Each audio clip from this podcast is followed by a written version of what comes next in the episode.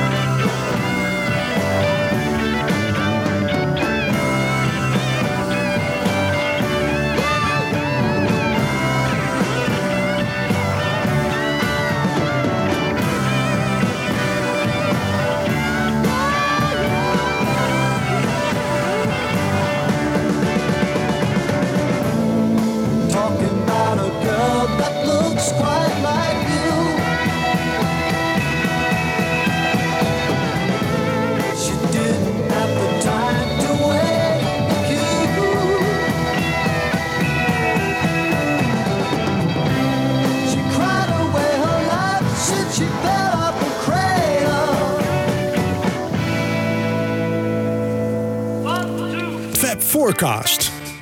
Fab Forecasters, welkom bij een nieuwe show van Fab Forecast. Ik zit hier weer met mijn companen. Jan Kees. En Michiel. Michiel. En eh, dit is Wibo, achter de knoppen. En we hoorden net Badge, het nummer Badge van eh, de band Cream natuurlijk. Van eh, Eric Clapton, Jack Bruce en Ginger Baker. En waarom draaiden we dit? Eh, de gitaar, de slaggitaar werd gespeeld door L'Angelo Misterioso. en de Klinkt heel mysterieus. Ja, klinkt heel mysterieus. De Mysterious Angel. En dan weten de kennis waarschijnlijk wel waarom we deze hebben gedraaid. Want dat is niemand minder dan George Harrison. Onder een pseudoniem. En pseudoniemen is eh, het thema van deze show. Ja, het is natuurlijk algemeen bekend hè, dat eh, Clapton en Harrison eh, bevriend waren. Clapton die speelde op Wow My Guitar. En eh, George heeft dit nummer geschreven samen met Clapton. En het schijnt dat Ringo er ook nog een aantal tekstregeltjes aan toegevoegd heeft. Op zich wel grappig, hè? want George had dit nummer dus uitgeschreven. En op het plekje waar de bridge moest komen in het nummer, dat las Eric Clapton dus verkeerd. Die, die las daar badge. En ja, voor de grap, eh daar moest ze heel erg om lachen. En toen hebben ze dus eh, eh, besloten om het nummer eh, zo te noemen. Wel heel grappig. En in de laatste, ja, is dat, ik weet niet of dat de laatste druk is van dat boek van eh, George Harrison, eh, I'm in Mind. Die is toch een nieuwe uitgave van Ja. gekomen. Ehm, daar is nu de tekst van Here Comes the Sun is weer afgedrukt. De, de handgeschreven tekst van George. En daar zie je dus ook staan op een gegeven moment middel. Met twee strepen eronder. En daarachter staat Son of Badge. Ah, Dus eh, volgens mij wist hij toen al van... hé, hey, wacht even, dat misverstand heeft natuurlijk tot Ja. eh geleid. En, eh, oh ja, grappig. Ah, leuk. ja. Ja, Ja. dat was inderdaad voor eh, Here Comes the Sun. Maar dit komt uit de 68, de Ja. laatste plaat van Cream. En eh, dit pseudoniem heeft George trouwens nog één keer gebruikt. En op het album ehm, eh, Songs for a Tailor van Jack Bruce. Ook van Cream natuurlijk. Nee. Daar speelt hij ook gitaar op onder het pseudoniem L'Angelo Misterioso. Ehm, ja, Eh, Wiebo, heel even het gebruik van pseudoniemen. Is dat voornamelijk om, om, om eh, copy- Ja. copyright redenen? Of, ja, dat... of zijn er ook andere redenen om een pseudoniem te gebruiken? Nou, het is natuurlijk ook wel een beetje om de anonimiteit te garanderen van een Beatle op je plaat. Het kan zijn dat je dan eh, te veel nou ja, de thunder stilt zeg maar, van de artiest waar het eigenlijk om moet gaan. Maar heel vaak is het inderdaad vanwege contractuele redenen. Want de Beatles waren natuurlijk onder contract bij Apple. En mochten niet zomaar bij artiesten op een ander platenlabel eh, eh, spelen. Want dat was allemaal weer contractueel gedoe. En eh, Apple lag natuurlijk in een puinhoop. En dat zou Ellen Klein er misschien lucht van hebben gekregen. En ja, geld hebben geëist van die artiest. Want ja, een Beatles speelt erop mee. En dat wilden de Ah, Beatles ja. niet. Dus eh, ja, eigenlijk een pseudoniem gebruiken om maar geen royalties te hoeven ontvangen. Het is eigenlijk een soort vriendendienst. En het was Ja. eigenlijk een noodzaak. Maar waarom een jongens. pseudoniem en niet anoniem? Want dat zou ook gekund hebben natuurlijk. Dat had ook gekund. Ja, misschien. Ja, heel veel dingen hebben ze ook wel voor de grap gedaan.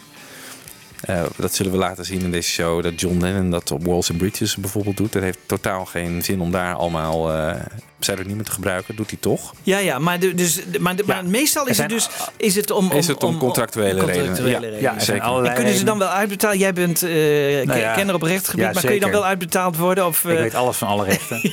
Alle rechten, ja. Dat is allemaal één pot nat hoor. kun je wel uitbetaald worden als je onder pseudoniem eh, werkt? Of hoe, hoe gaat zoiets? Hoe zou, Dat moet je echt aan de IE-specialisten gaan vragen. of zouden het allemaal vriendendiensten zijn, denk je? Ja, bij McCartney heeft dat op een gegeven moment natuurlijk wel gespeeld. Hè. Toen was, eh, was niet de kwestie van Another Day. Another Day had hij dan onder de naam Paul en Linda laten registreren. Ja? Zodat hij de helft van de royalties Ja. zou krijgen. Ja. En eh, Northern Songs Ja. dus, dus de helft miste. Ja. En toen heeft hij later als een soort vriendendienst heeft hij weer een... eh, Een tv-special Ja, opgenomen voor precies. Lil Great. Ja. Precies. Ja, De, de, de James Paul McCartney special. oké. Ga door. ja, ik ga door. Sorry. Hebben jullie eigen pseudoniemen in je leven gehad? Niet die zo- waren, wel heel erg gerelateerd aan mijn, aan mijn achternaam. Dus, Ja. Maar nooit echt... eh Chappie en zo? Chappie, precies. Ja, dat soort dingen. Nee. Nee. JC een beetje? Ja, JC, maar dan weet iedereen ook dat, hè, dat het niet Jezus Christus of Johan Cruijff is. nee, ik, ik, ik, ik geloof het niet. Eh, nee, ik heb niet eh, het idee dat... Niet nee, jij wel misschien om legale... Een brugje of zo? Nee, ook niet. Nee, oké. En jij, en jij Wiebo, heb jij nog... eh, Nee, ik heb ooit een keer ehm, de naam die mijn vrouw zou hebben gekregen als ze als jongetje geboren was. Ze heette Ingrid Koning en haar ehm, naam zou zijn geweest als jongetje Robert Koning. En die heb ik ooit een keer gebruikt, of wel een paar keer, toen we nog in het AKN-gebouw zaten en de parkeerplekken in de parkeergarage eigenlijk toegewezen waren aan bepaalde mensen, want er was heel weinig parkeerruimte. En eh, ik wilde wel eens af en toe met de auto komen naar mijn werk. Dus ja, dan moest ik mezelf aanmelden als gast. Nou ja, ik, kan- ik kan Wiebo Dijksma niet als Wiebo Dijksma Nee. aanmelden. Dus dan Nee. meldde ik me altijd aan als Robert Koning. En dan eh, stond ik daar voor de parkeergarage. Deed ik altijd mijn bril af. Zodat de bewaker mij minder goed zou herkennen. en dan zei ik van, ja, eh, hier is eh, Robert Koning voor Wiebo Dijksma. Oh, komt u binnen, meneer Koning? En dan mocht ik binnenrijden. En dan werd ik dus altijd op mijn telefoon op mijn werk gebeld. Je Maar ja, dat- Robert Koning komt er Rob komt, er- komt eraan, maar ja, ik nam natuurlijk nooit de telefoon op, want dat kon niet. Nee. dus op een gegeven moment kregen ze het door. Nou ja, Oh, dat dus. eh. Maar je zult zien in deze aflevering, John, Paul en George waren dol op pseudoniemen. Eh, Ringo ietsje minder, zoals altijd, hè? die doet Ja. ietsje minder mee. Ja, wanneer begon dat eigenlijk voor het eerst? Dat was al in 1960, in die tour in Schotland die ze met eh, Johnny Gentle doen. Johnny Gentle is natuurlijk ook een pseudoniem hè, voor, ik weet niet eens meer hoe die heet, maar dat was al een pseudoniem. Dus die jongens die dachten, dat is ook wel iets voor ons. Dus Paul legde even uit hoe dat zat. We all decided to change our names anyway. And people thought, well, they did, but John didn't. John was cool, he didn't. Well, let me tell you, he was Long John for the period of that tour. He's quite happy to be Long John too. So I thought, well, if he's changing it, you know, maybe we all should, you know. So we all kind of fancied it. Our first foray into professional entertainment. That's what you do, isn't it? You change your name. So um, I became Paul Ramon for some reason. I thought it was a very exotic French sounding name. and I was Carl Harrison. And um, it's funny, really. It doesn't sound like a stage name now. It's just that I loved Carl Perkins. Stuart became Stuart de Stael, because he liked Nicholas de Stael, who's a, a- an abstract expressionist painter. Ja, grappig hè? En hoe heet het John dan? Long, Long John. John. Oh, Long En zou John. Paul dat nummer Ram On daarvan... daar- Dat denk ik wel, ja. ja, hè? Ja, Ramon. Ja. Trouwens ook inspiratie geweest later voor de Ramones. Hè? De- Zeker. die hebben hun naam gebaseerd op Paul Ramon. Oh, Ja, ja. Ja, grappig. Dat is Didi Ramone, die eh, hoorde dat verhaal. Ik vind het dan nog wel een opvallend verhaal. Want hij, die, die, die- wanneer ze opgericht? Ergens rond 77 of zo. Zoiets, ja. En toen is toch dat verhaal al rond gaan zingen. Dat, eh, dat ze toen, dat Paul, dus toen Paul Ramon heette. Ja. Ze hebben even een E achter gezet en toen waren het de Ramones. Was het ook Ja. niet net dat in die tijd dat het boek van ehm, eh, meneer Williams uit was gekomen? maar Andy. misschien... Nee joh, hoe heet hij nou? Alan. Alan Williams. Misschien, misschien stond het ook wel in eh, Hunter Davies. Ja, dat zou kunnen, dat het daarin staat. Ja. Dus het was al wel bekend. Ja. Ja. Nou goed, in diezelfde periode tussen 60 en 62 schijnt eh, John ook eh, geschreven te hebben voor het blaadje Mercy Beat. Onder de naam Beatcomber. Dat was ook al een pseudoniem voor John, zijn, eh, zijn tweede dan eigenlijk, hè, na Long John. In 62 komt natuurlijk Ringo Starr erbij. Pseudoniem op zich, hè, van Richard Starkey. Die in 67 dan ook nog eens wordt omgedoopt tot Billy Shears. Maar de eerste, het eerste pseudoniem op plaat is eigenlijk eh, niet van een Beatle, maar eentje die heel erg nauw met de Beatles heeft gewerkt, namelijk George Martin. Die eh, in 1962 een plaatje uitbrengt onder Ray Cathode. We hebben het al eerder over gehad. We hebben volgens mij toen eh, een fragmentje van Time Beat gedraaid. Het is zo'n elektronisch dingetje voor de BBC Radiophonic Workshop. Nu even een fragmentje van, eh, van de B-kant. Waltz in Orbit.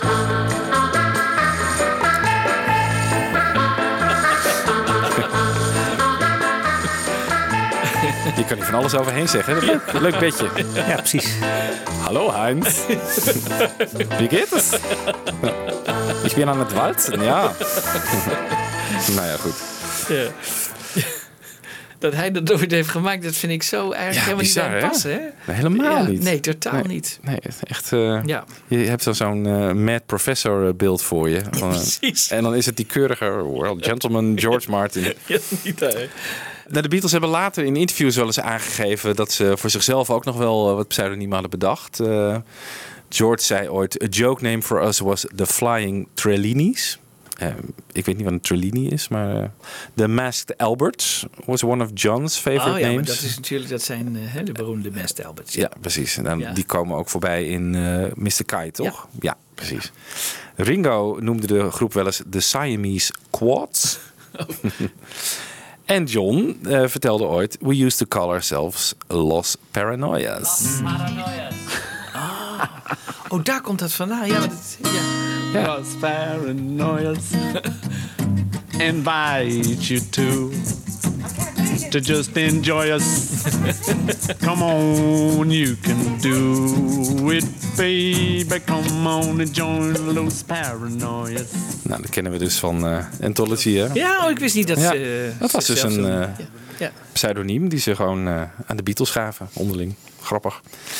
En dan is er eigenlijk het eerste keer dat er een pseudoniem eh, eh, van een Beatle op een plaat verschijnt.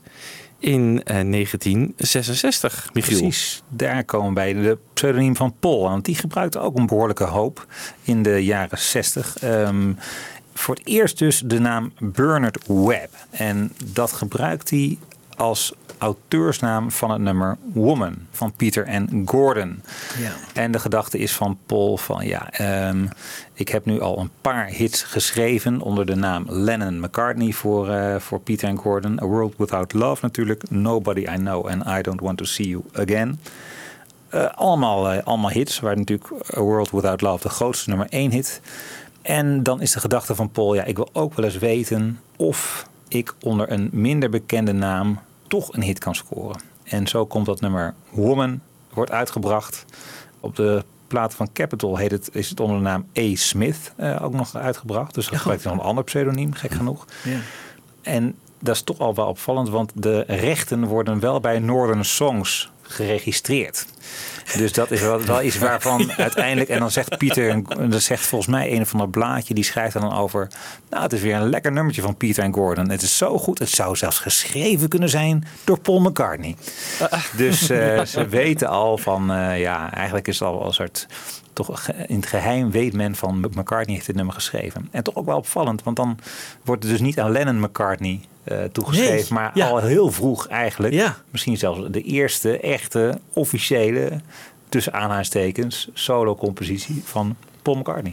En hoe heeft Woman het gedaan ten opzichte van die anderen? Nou, toch een redelijke hit in de UK op de, tot de 28e plek geschopt. Oh, Ja. maar minder ver dan... Dan, ja, het was, niet, het was een minder grote hit dan hun vorige nummers. Oh, dus het Ehm, maakt er wel uit. Ja, nou, maar toch wel een hit. En daar ging het even om. Ja, Dan ja, kan je ook een hit ja, ja. scoren met Ja, eh, ja. onder een andere naam. Ja. Ja. Ik lees hier trouwens ook dat eh, Paul en eh, Peter Asher eh, dit hadden bedacht, die Burn It Web. En Paul werd dus wel gevraagd van eh, waarom is die, eh, dat nummer bij Northern Songs ondergebracht.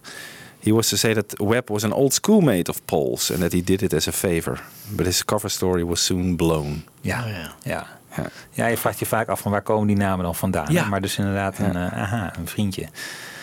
Nou, later op een persconferentie in 1966, op 24 augustus, eh, daar komt dit item weer naar voren. Ehm, en daar heeft Paul wordt kort bevraagd over zijn, eh, wat hij schrijft voor, voor Peter en Gordon. En daar heeft McCartney dan ook een mooi antwoord op. This question is directed to Paul and John. You have written uh, quite a few numbers for Peter and Gordon, and I understand they don't like it because they think that it's you writing the song that makes it popular. Do you plan to write any more songs for them? Uh, they, you know, if we write songs for, they ask us to write songs for them if we we do it. I mean, they don't mind it; they like it. But it's people come up and say, "Ah, we see you just getting in on the Lennon McCartney bandwagon." That's that's why um, they did that one with, with with our names not on it, woman. Because everyone sort of thinks that's the reason they get hits. It's not true, really. Nou ja, dat is wel waar. Ja. Ja. Het is Nummer toch- 28. Ja. Dit is diezelfde persconferentie waarbij David Crosby in de coulissen staat, weet je wel? Die, eh, die piept dan even tevoorschijn en dan wordt Oh, er ja. weer naar gevraagd. En eh, ja, het, zijn niet, het zijn geen leuke persconferenties om te kijken, omdat de sfeer met de pers is dan echt behoorlijk verziekt door alle ellende met het eh, Jesus quote en zo. En, eh, Ja. Maar goed, we het even luisteren. Woman. Woman,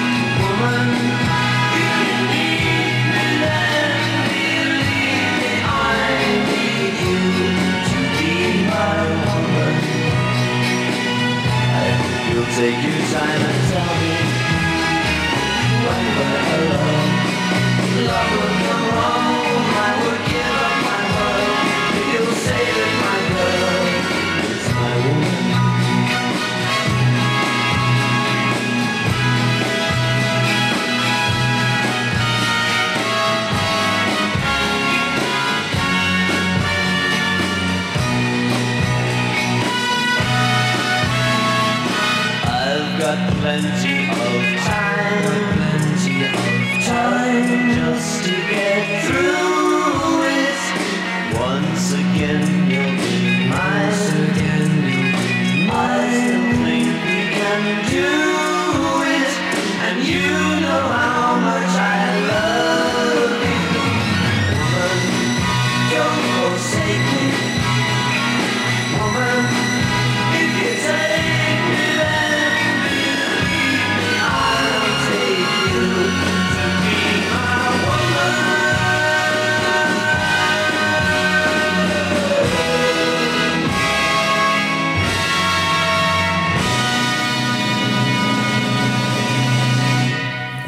van dit nummer? Ik, ik vind het een leuk nummer. Ik zou heel graag eh, de originele demo eh, willen horen. Ja, het is wat te, te volgestopt met Ja. orkest, Ja. vind ik. Ja. Ja. Ja. Het is zo'n dodelijk ernstig nummer of zo. Het neemt zichzelf heel erg serieus door al die, die bombastische... eh, Ja, dat is groots. Dat is Ja. ja. ja. bijna veel specterachtig. Er Ja. zit hier ook nog dat Peter Asher is daarover geïnterviewd. Die zegt, we cut the song twice.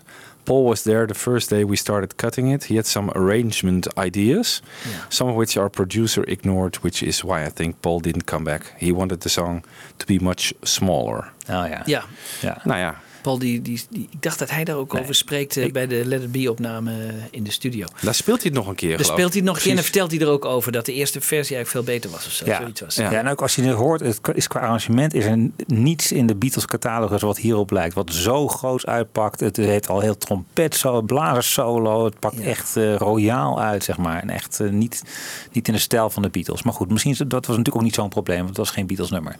Nou, in 2008 wordt McCartney dan... ehm, als hij bij de HMV een soort uh, signeersessie heeft, even kort geïnterviewd, volgens mij door de BBC. En daar spreekt hij ook kort even over de pseudoniemen die hij gebruikt uh, in zijn carrière. I kind of like hiding behind a, a pseudonym. It's actually just for fun. It's no particular reason. There's no significance. What it does is it frees you up a bit in the studio. You know, you go in and instead of standing in front of the mic going in your mind, this is a Paul McCartney vocal. Company love. You kind of go in and you go, I'm not him. I'm some guy in a fictitious band. So you, it just makes you think anything's possible. It just frees you up a little bit. Well, you've had Johnny Ramone and you've had um, Percy Thrillington. I Paul Ramone. I Paul was Ramone. Paul Ramone. I was Percy Thrillington, the fireman. Ja, de tijden van de fireman, dit, Ja, eh, denk ik. hè? Precies, ja. Een leuke vraag van die, van die reporter. hè. Je, je, je bent het Johnny Ramone geweest. Lekker joh. Lekker joh.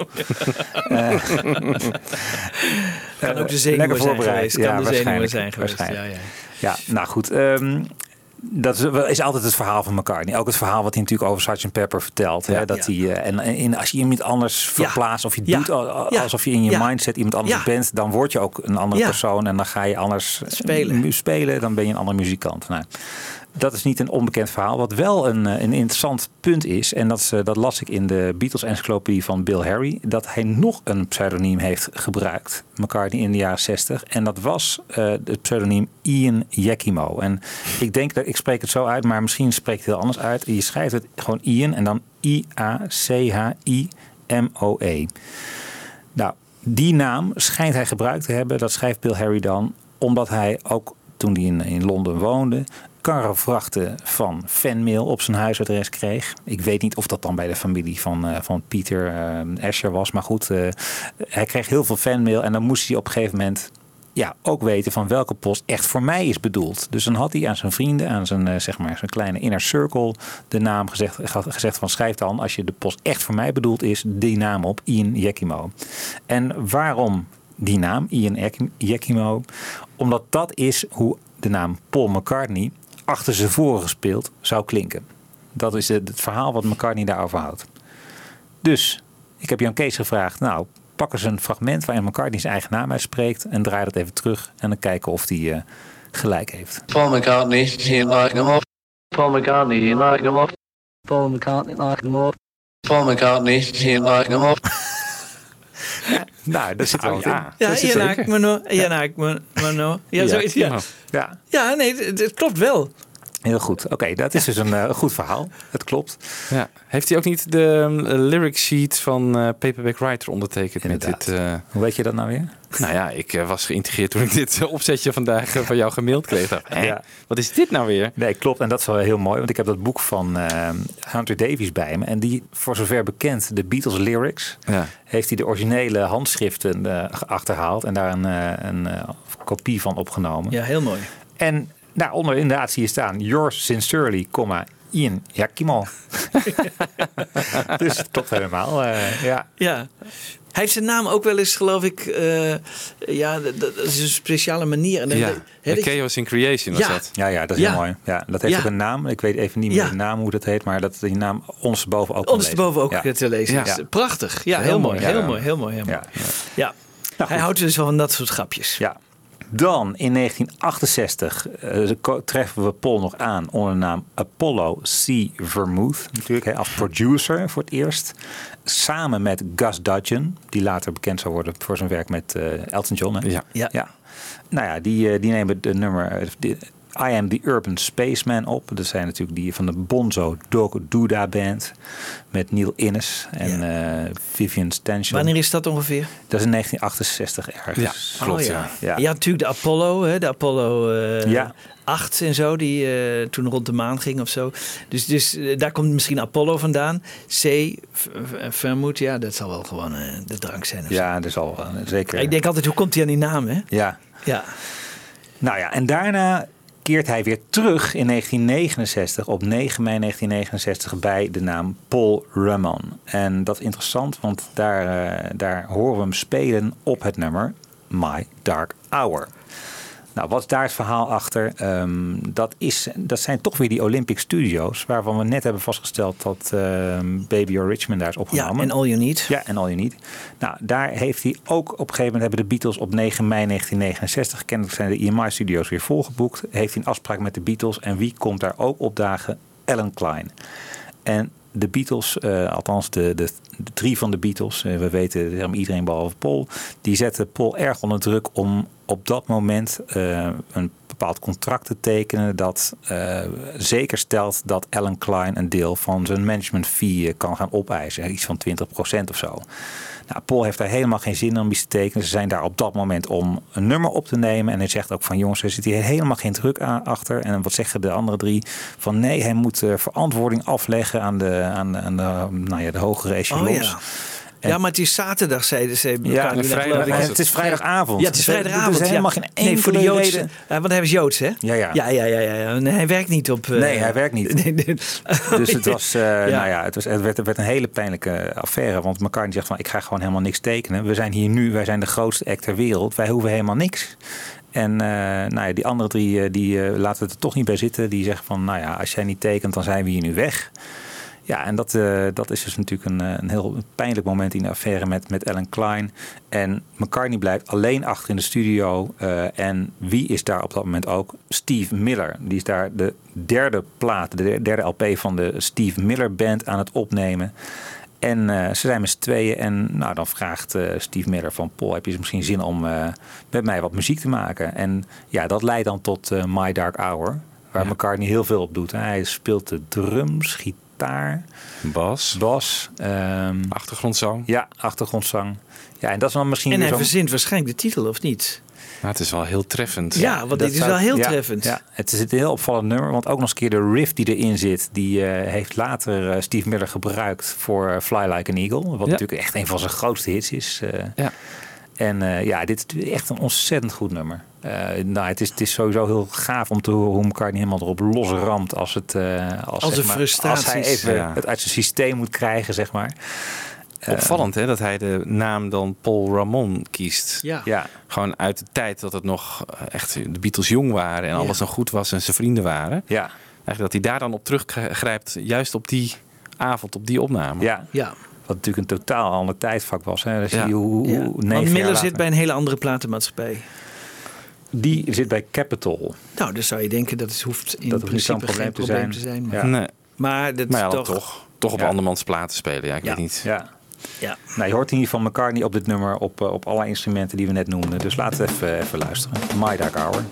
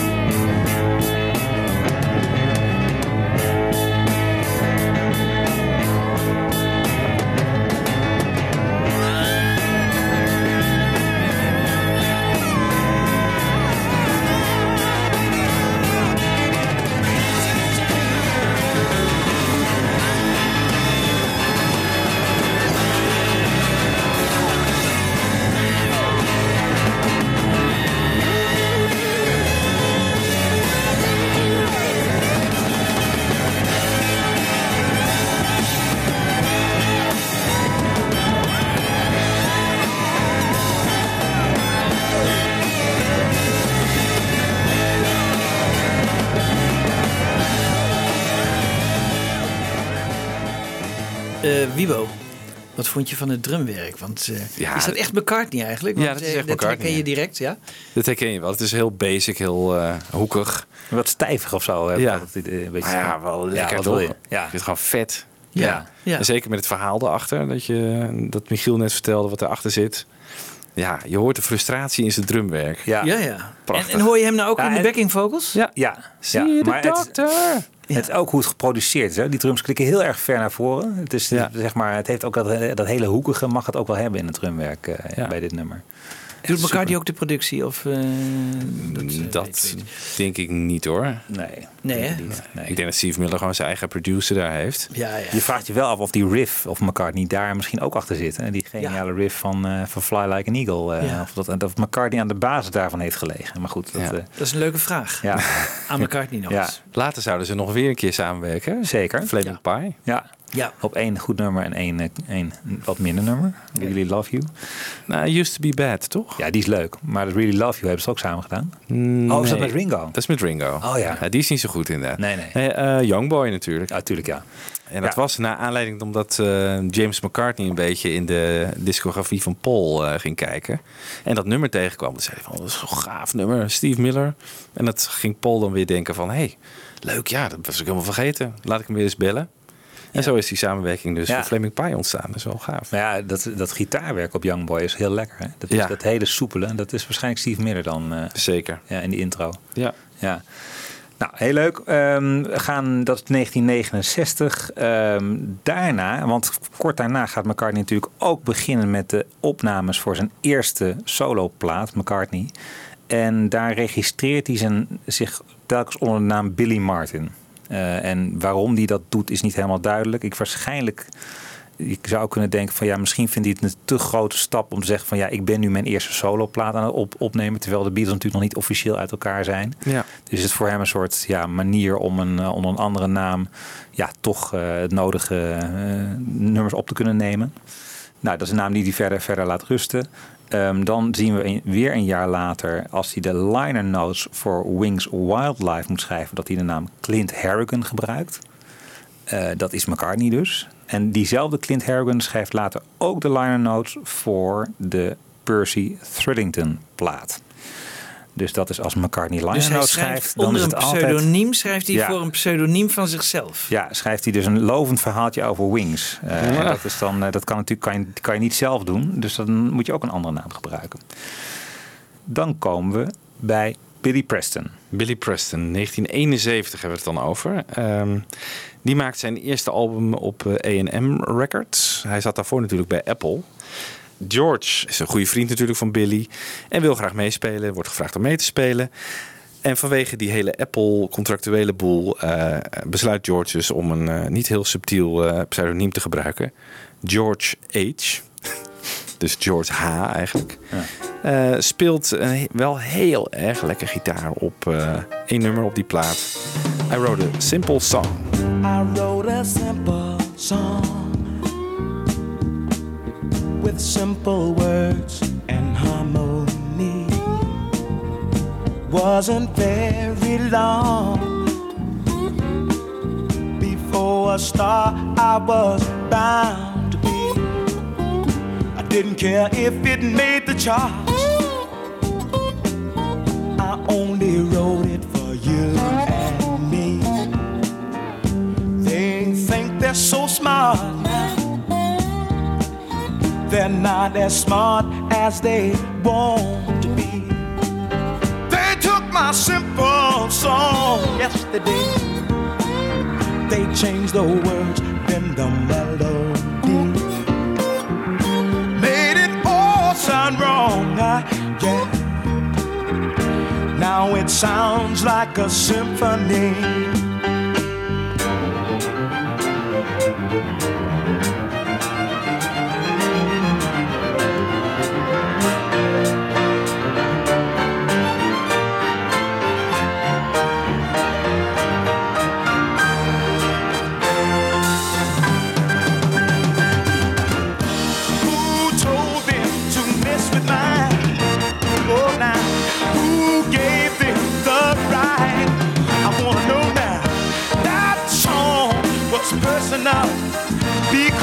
I wrote it for you. It's yours and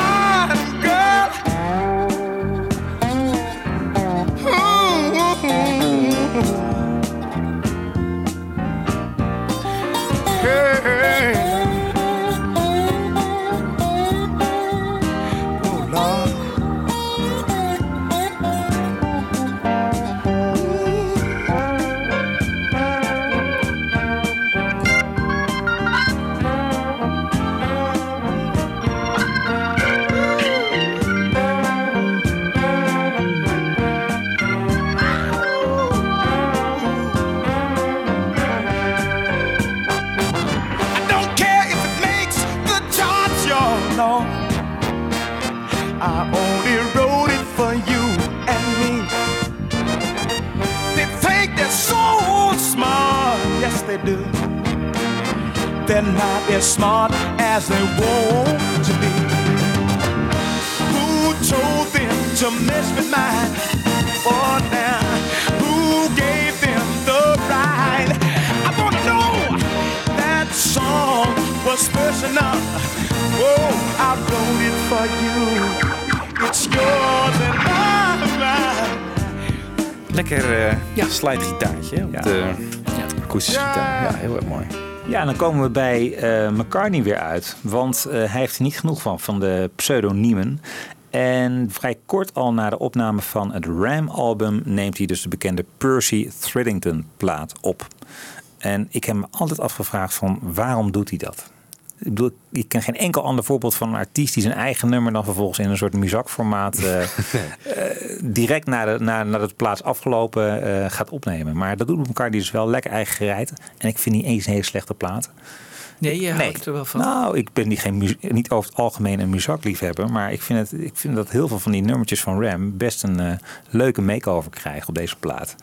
En nou ja, McCartney verzint daar dus de naam Percy Threadington bij. Hij maakt volgens mij pas veel later, in ergens in 1989, pas bekend van ik ben het. Hè. Ik zat Ja. hierachter. Ja. Ja. Eh, Maar het is ook heel eh, vernuftig gedaan, geloof ik. Met de advertenties in kranten en zo. Hij deed van alles. Ja. Hij, hij, nou, in die zin dat het is wel weer grappig dat hij echt een eh, eigen wereldje verzint voor die Percy Threadington. Een echt een soort. eh, nou, volgens mij is het de meest ver doorgevoerde pseudoniem die, eh die McCartney heeft gevoerd. In die zin dat hij er een hele autobiografie bij verzint als hij later een eh, press release gaat maken. Want die Percy Threadington zou geboren zijn in de Coventry Cathedral in 1939. Hij heeft de hele wereld overgereisd. Eh, nou, hij is overal geweest. Eh, hij op een gegeven moment in Los Angeles is hij eh, ervaren geraakt met het arrangeren en dirigeren van muziek. Dan gaat hij op een gegeven moment naar Londen en daar wil hij heel graag een orkest gaan formeren. Nou, uiteindelijk lukt hem dat. En hij neemt dan alle nummers van Paul en Lennon McCartney's album Ram. Met de hulp van ja, het beste eh, Londense orkest dat er maar is. En ja, als McCartney dan hoort wat Thrills ermee doet, dan, ja, dan eh, zegt McCartney meteen van je moet het gewoon op plaat uitbrengen. En dat is zeg maar het hele verhaal wat McCartney verzint over die Percy Threadington. En waarom doet hij dat? Ja, ja, en dat is dus gewoon eh, leuk, beetje leuk spelen met de pers. Voor de grap. Voor de grap. ja. Omdat hij niks beters te doen had, denk ik. Het heeft verder allemaal Maar hij brengt het ook pas veel later uit, toch? Ja, 77 pas, ja. Ja, dus echt zes jaar na de opnames. Ja, zes jaar op, bijna of op vijf dagen eh, of zo eh, van de opnames van Ram brengt hij ook de Percy Threadington plaat uit. Je ziet hem wel weer, weer spiegeld in het glas, hè? Ja. Dus eh, Een tekening op de achterkant, ja. Maar ja, dat hoeft geen aanwijzing te zijn natuurlijk, omdat het gewoon Pools muziek is die daar... ja, eh, precies. Maar hij heeft ja. het verder toch ook niet veel meer... Ja, hij heeft het misschien geproduceerd, maar hij, die arrangementen zo zijn weer de andere toch gemaakt. Die Paul Houston is dat? Ja. nou, Paul Houston is Bono, geloof ik. Was het niet Richard Houston? Ja, Ah, Richard, Houston, ja, die, ah, ja precies. Die ook eh, de door hem verfoeide hè, Long and Winding Ja. Road Ja. eh, van eh, Klopt. muziek heeft voorzien. Van, Ja. Maar hij doet er wel meer mee hoor, McCartney. Want ja, bijvoorbeeld op Dear Boy hoor je echt hele de vocalen, vo- de, zeg maar de, de melodielijnen, die, die gaat hij dan zingen. Oh ja, Dus volgens mij is dat toch McCartney die dat allemaal inzingt. Maar Houston heeft het dus eh, hen, op, op muziek gezet eigenlijk. Die heeft het op het arrangement Ja. gemaakt. Ja. McCartney werkt eraan mee. Is ook producer misschien en eh, Ja. geeft het dan uit. Eh, Ja, eerst dus niet. En dan Nee, vraag je ook af waarom niet meteen. Ja, waarom niet meteen? Ja.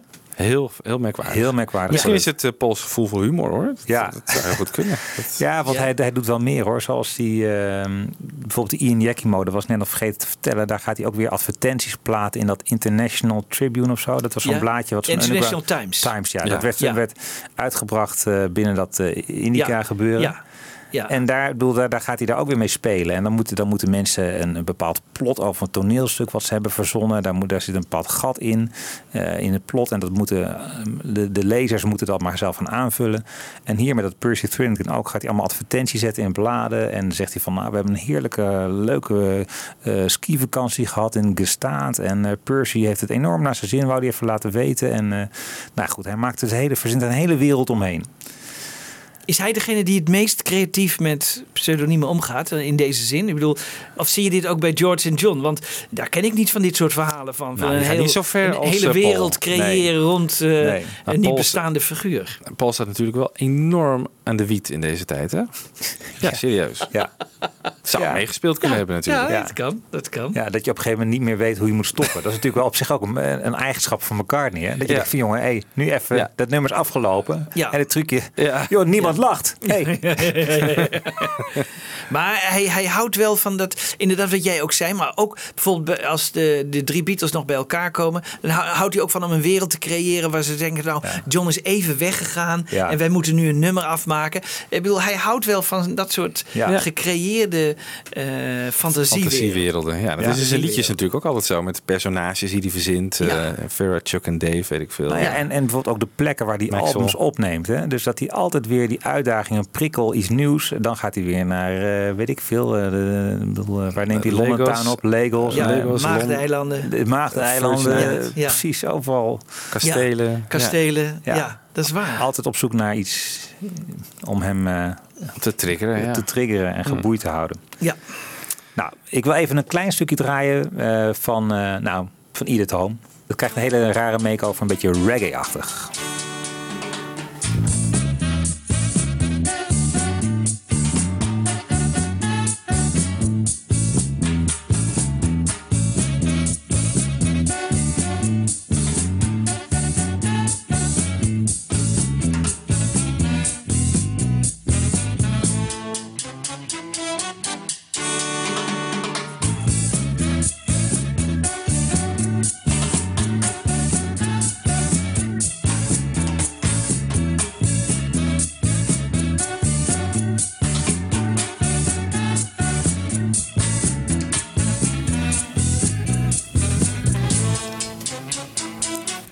Dus dit vind jij leuk, eh, Michiel.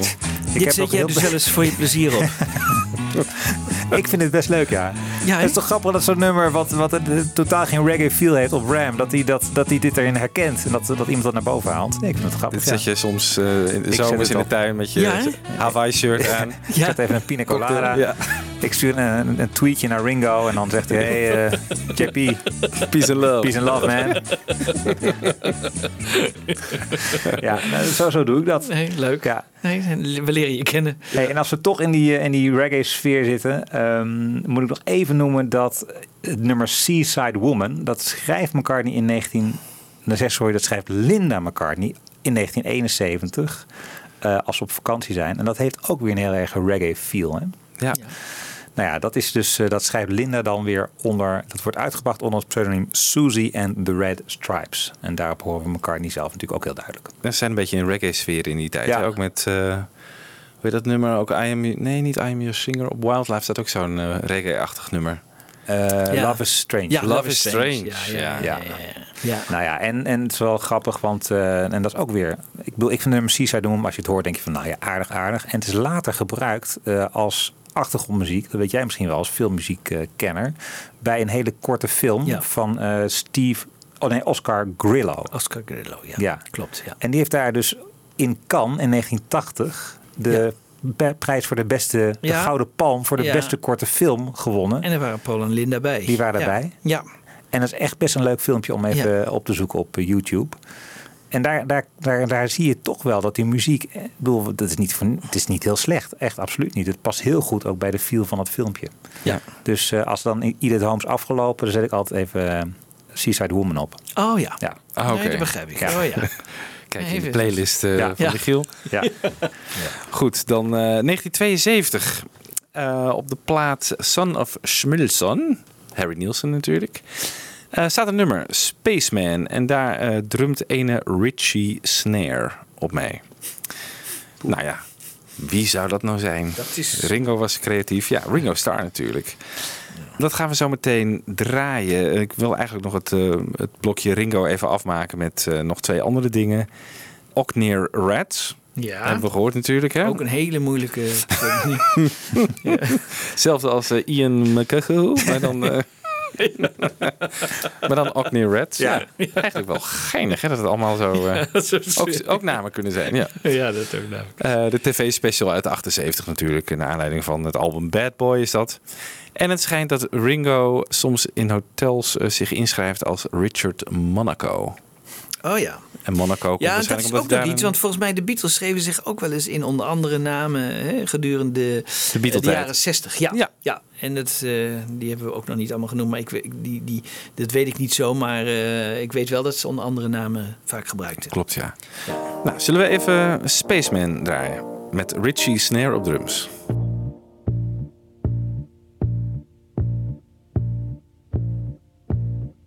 Bang, bang, shoot 'em up, destiny. Bang, bang, shoot shoot 'em up to the moon.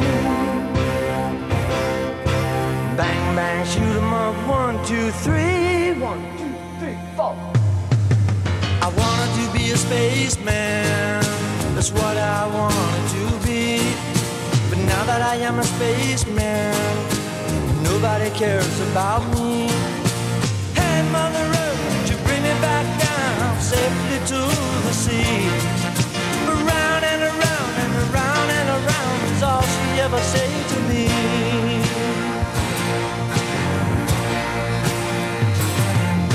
I wanted to make a good run. I wanted to go to the moon. I knew that it had to be fun. I told him to send me real soon. I wanted to be a spaceman. I wanted to be it so bad. But now that I am a spaceman, I'd rather be back on the pad. Hey, Mother Earth, would you bring me back down safely to the sea?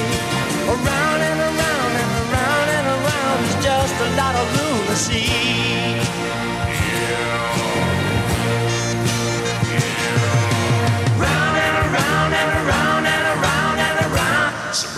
Back down. Round and around and around and around and around. Safe on the ground.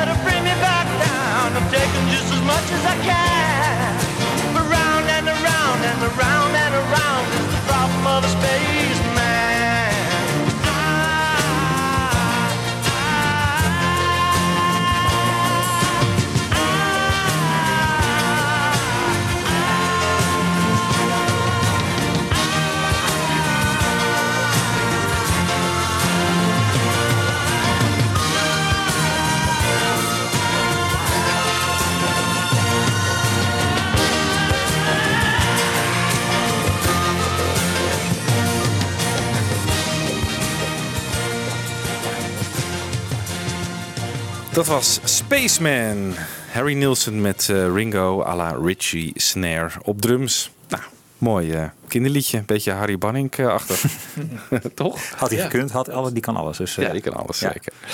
Dan gaan we naar eh, 1973. Ene Joel Non. Zouden jullie weten wie dat is? nee. Nee? John Lennon, maar ik weet het niet. Ja, dat klopt. Het is eh. John Lennon. Het is eigenlijk de, de letters van zijn naam, maar dan eh, anders eh, in volgorde gezet. En dan krijg je Joel Non. Deze naam heeft hij gebruikt op twee Yoko-nummers in eh, 1973 dus. Speelt gitaar op Move On Fast. Die hebben we in de Ron Bulte Show gedraaid. Lekker nummer. Eigenlijk het enige nummer van Yoko dat ik echt heel erg lekker vind. en Is Winter Here to Stay? Van Approximately Infinite Universe. En het album daarna, dat heet Feeling the Space, ook uit 1973. En daar eh, speelt John ook mee op ehm, eh, het nummer Woman Power. Ik ga zo even een fragmentje van draaien. Onder de naam John Ocean. Dus Ocean, maar dan met een O-apostrof. En dat schijnt dan te zijn, ehm, eh, want Yoko vertaalt in het Japanse Ocean Child Ja. En John, nu dus ook John Ocean heet. Maar ja, waarom hij hier een pseudoniem gebruikt, net als eh, Joel Non, op Yoko-platen, die toch gewoon op Apple worden uitgebracht. Jan Kees, heb jij een idee? Nee, ik, ik, ik sta... Komt daar overigens de naam Sean vandaan? Ja, ik weet het ook niet. Ocean. Oh, ja. Ja, dat zou kunnen. Ook een, het is een Ierse naam ook. Hè? John heeft natuurlijk ook Ierse roots. Ah, ja. Ja, Ja, dat ja. zou kunnen. Ja. Ik denk dat hij gewoon eh, voor de grap dit eh, heeft gedaan. Ja, hè? moet wel. Ja, Hij, ja, hij speelt eh, op deze plaat twee nummers mee. Het was een beetje in die periode dat ze net uit elkaar waren of net niet. Hè, John kwam met diezelfde sessiemuzikanten, ging hij daarna Mind Games maken. Ja, ik denk dat eh, misschien dat de, ten tijde dat die plaat uitkwam, dat ze toen al eh, uit elkaar waren en dat hij niet zijn naam daarop wilde hebben. Ik weet niet wat de reden is geweest. Ik denk eigenlijk gewoon dat het een grapje was. Woman Power. Michiel moet toch even een stukje draaien. Heel kort. Heel kort, hè? Maybe the president now may still be a man. You must also be human. So open up and join us in living. Woman power. Woman power.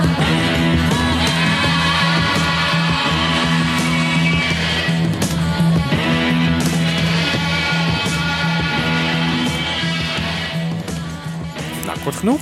Ja. ja. Maar wel lekker eh, gitaar eh, in ieder geval van hem. Ja. Behoorlijk eh, heftig. Dan gaan we naar Son of Harry. Een pseudoniem van George. Op het nummer If You've Got Love van Dave Mason. Weten jullie wie Dave Mason is? Ja, is hij niet van eh, met Steve Winwood en zo? eh, ja, ja. klopt. Ja, van Traffic Ja. Oh, ja. is hij. Zat dus eerst in Traffic. Heeft ook met eh, Jimi Hendrix eh, gewerkt op eh, Electric Ladyland, geloof ik. Was bevriend met de Beatles. En het schijnt dat hij achtergrondzang doet op Across the Universe. Hij was erbij in ieder geval bij die opnames. Niet helemaal duidelijk of zijn bijdrage ook op de uitgebrachte versie zit. Vervolgens speelt hij ook mee op All Things Must Pass op het album. Zat trouwens ook in Delaney en Bonnie. Dus George en hij die kennen elkaar eh, wel. Dus ehm, George is in 1973 voor eh, promo van eh, zijn album Living in a Material World in Los Angeles. En daar was Dave Mason zijn album aan het opnemen. En George speelt mee, trouwens op een hele mooie track. Dat heet dus If You've Got Love. En hij speelt dus mee onder het pseudoniem Son of Harry.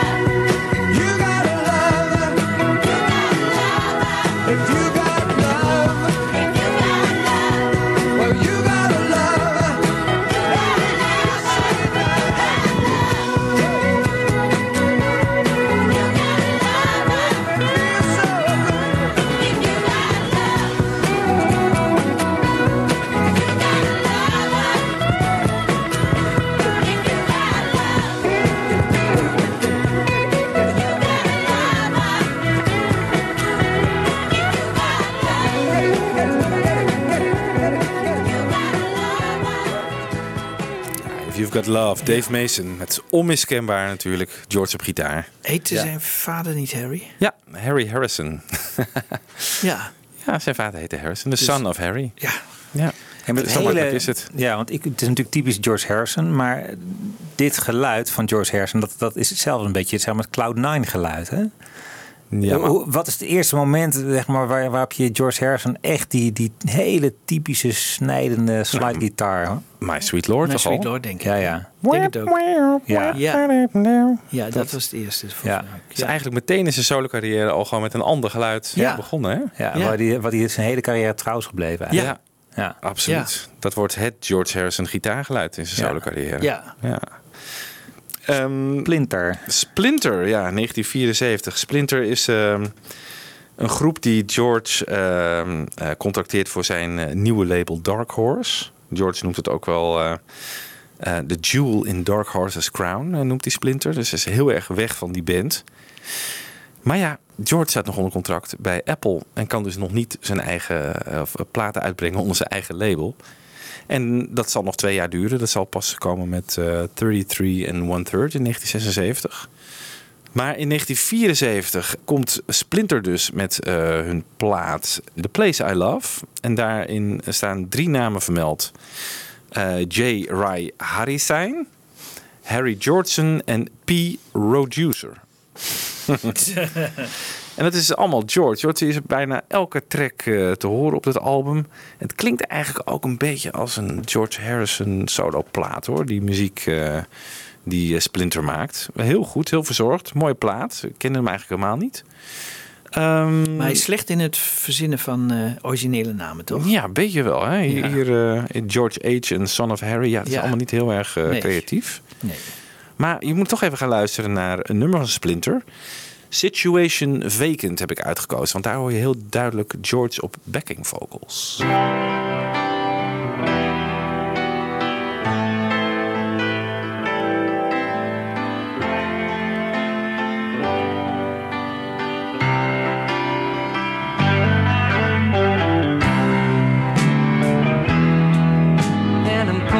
Advertisement in the station caught my eye, kept me looking, yeah.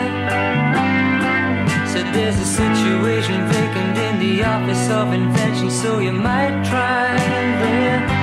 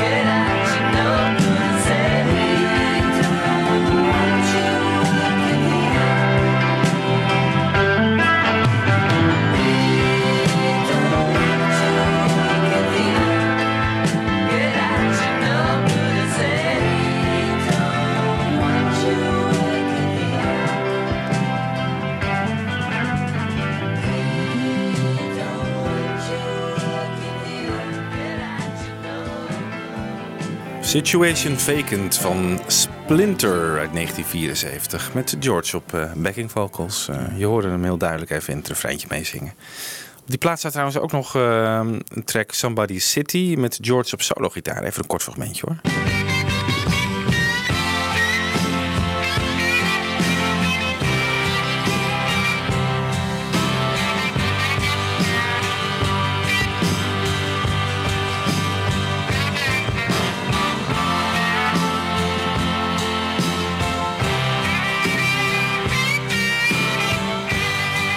In de slide dus even, even thuis.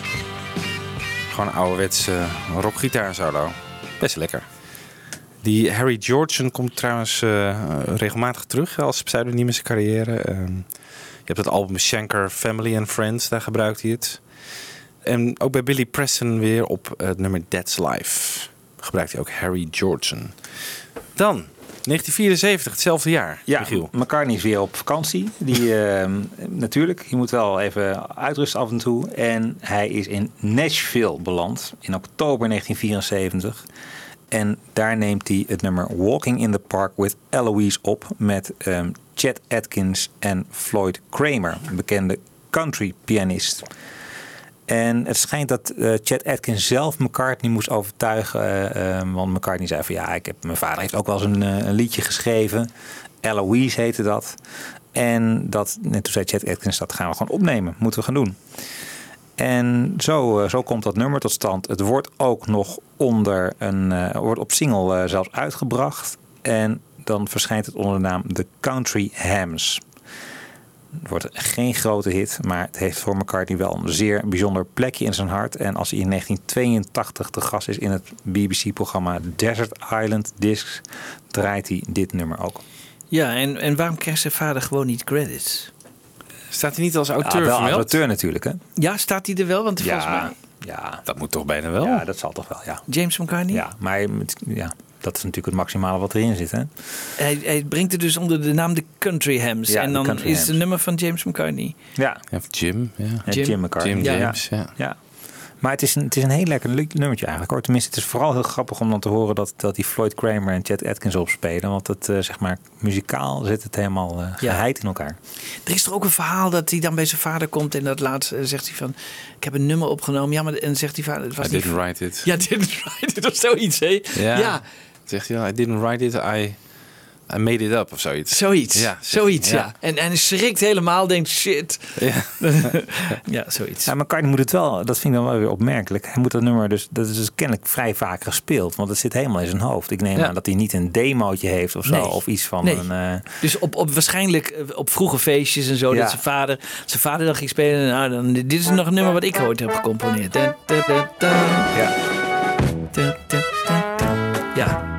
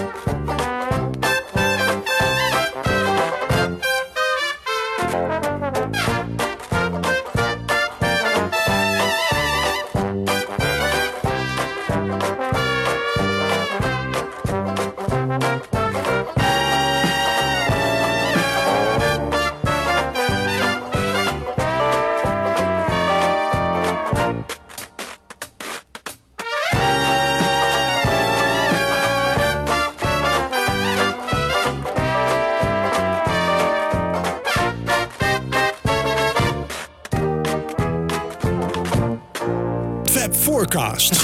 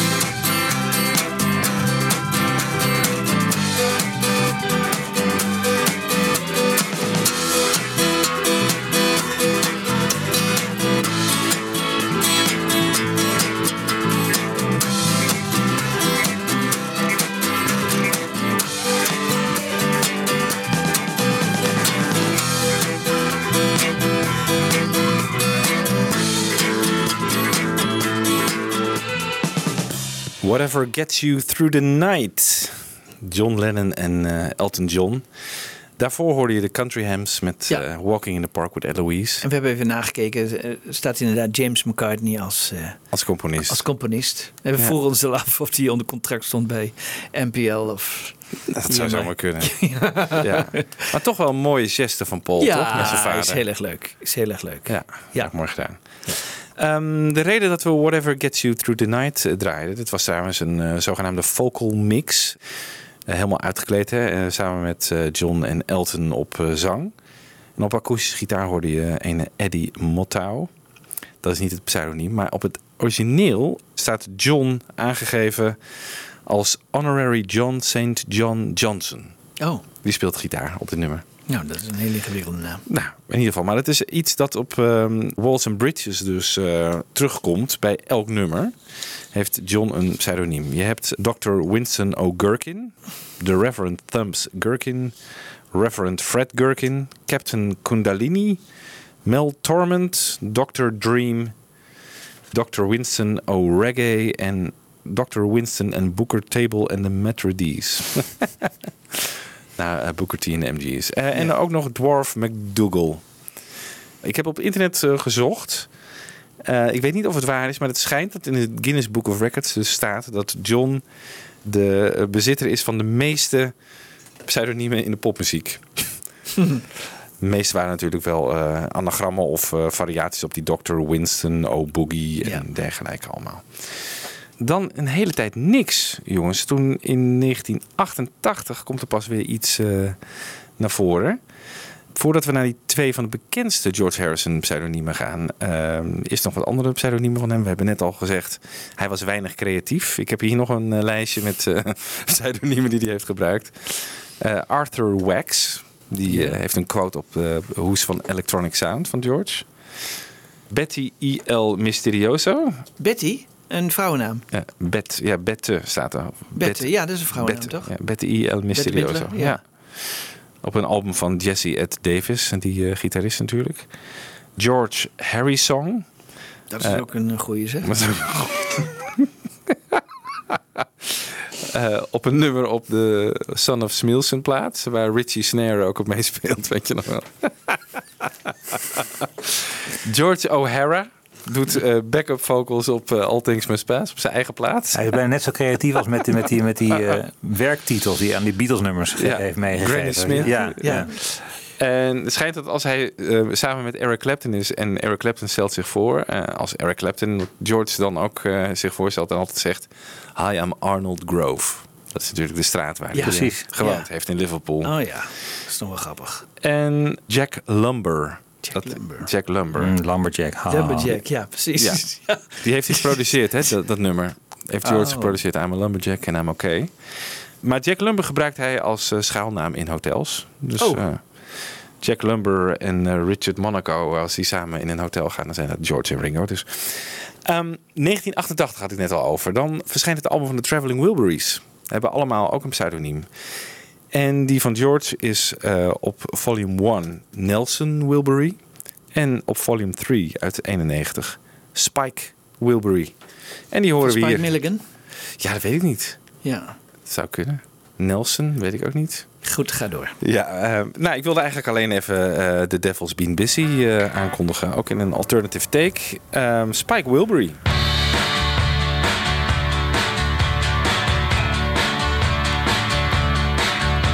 You're strolling down the fairway, showing no remorse, glowing from the poisons they've sprayed on your golf course. While you're busy sinking birdies and keeping your scorecard, the devil's been busy in your backyard. Down the highway with your tricks and toxic ways. Where you gonna hide it? Maybe outer space. You don't know what you're doing or what you have to guard. The devil's been busy in your backyard.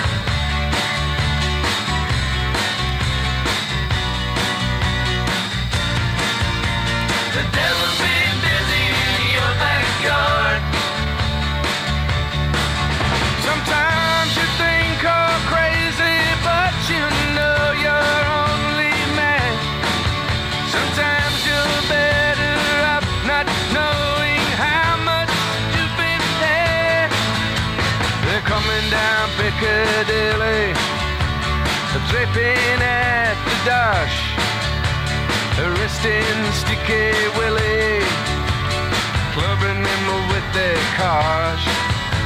They just might not have noticed they've been beating him so hard. And the devil's been busy in your backyard.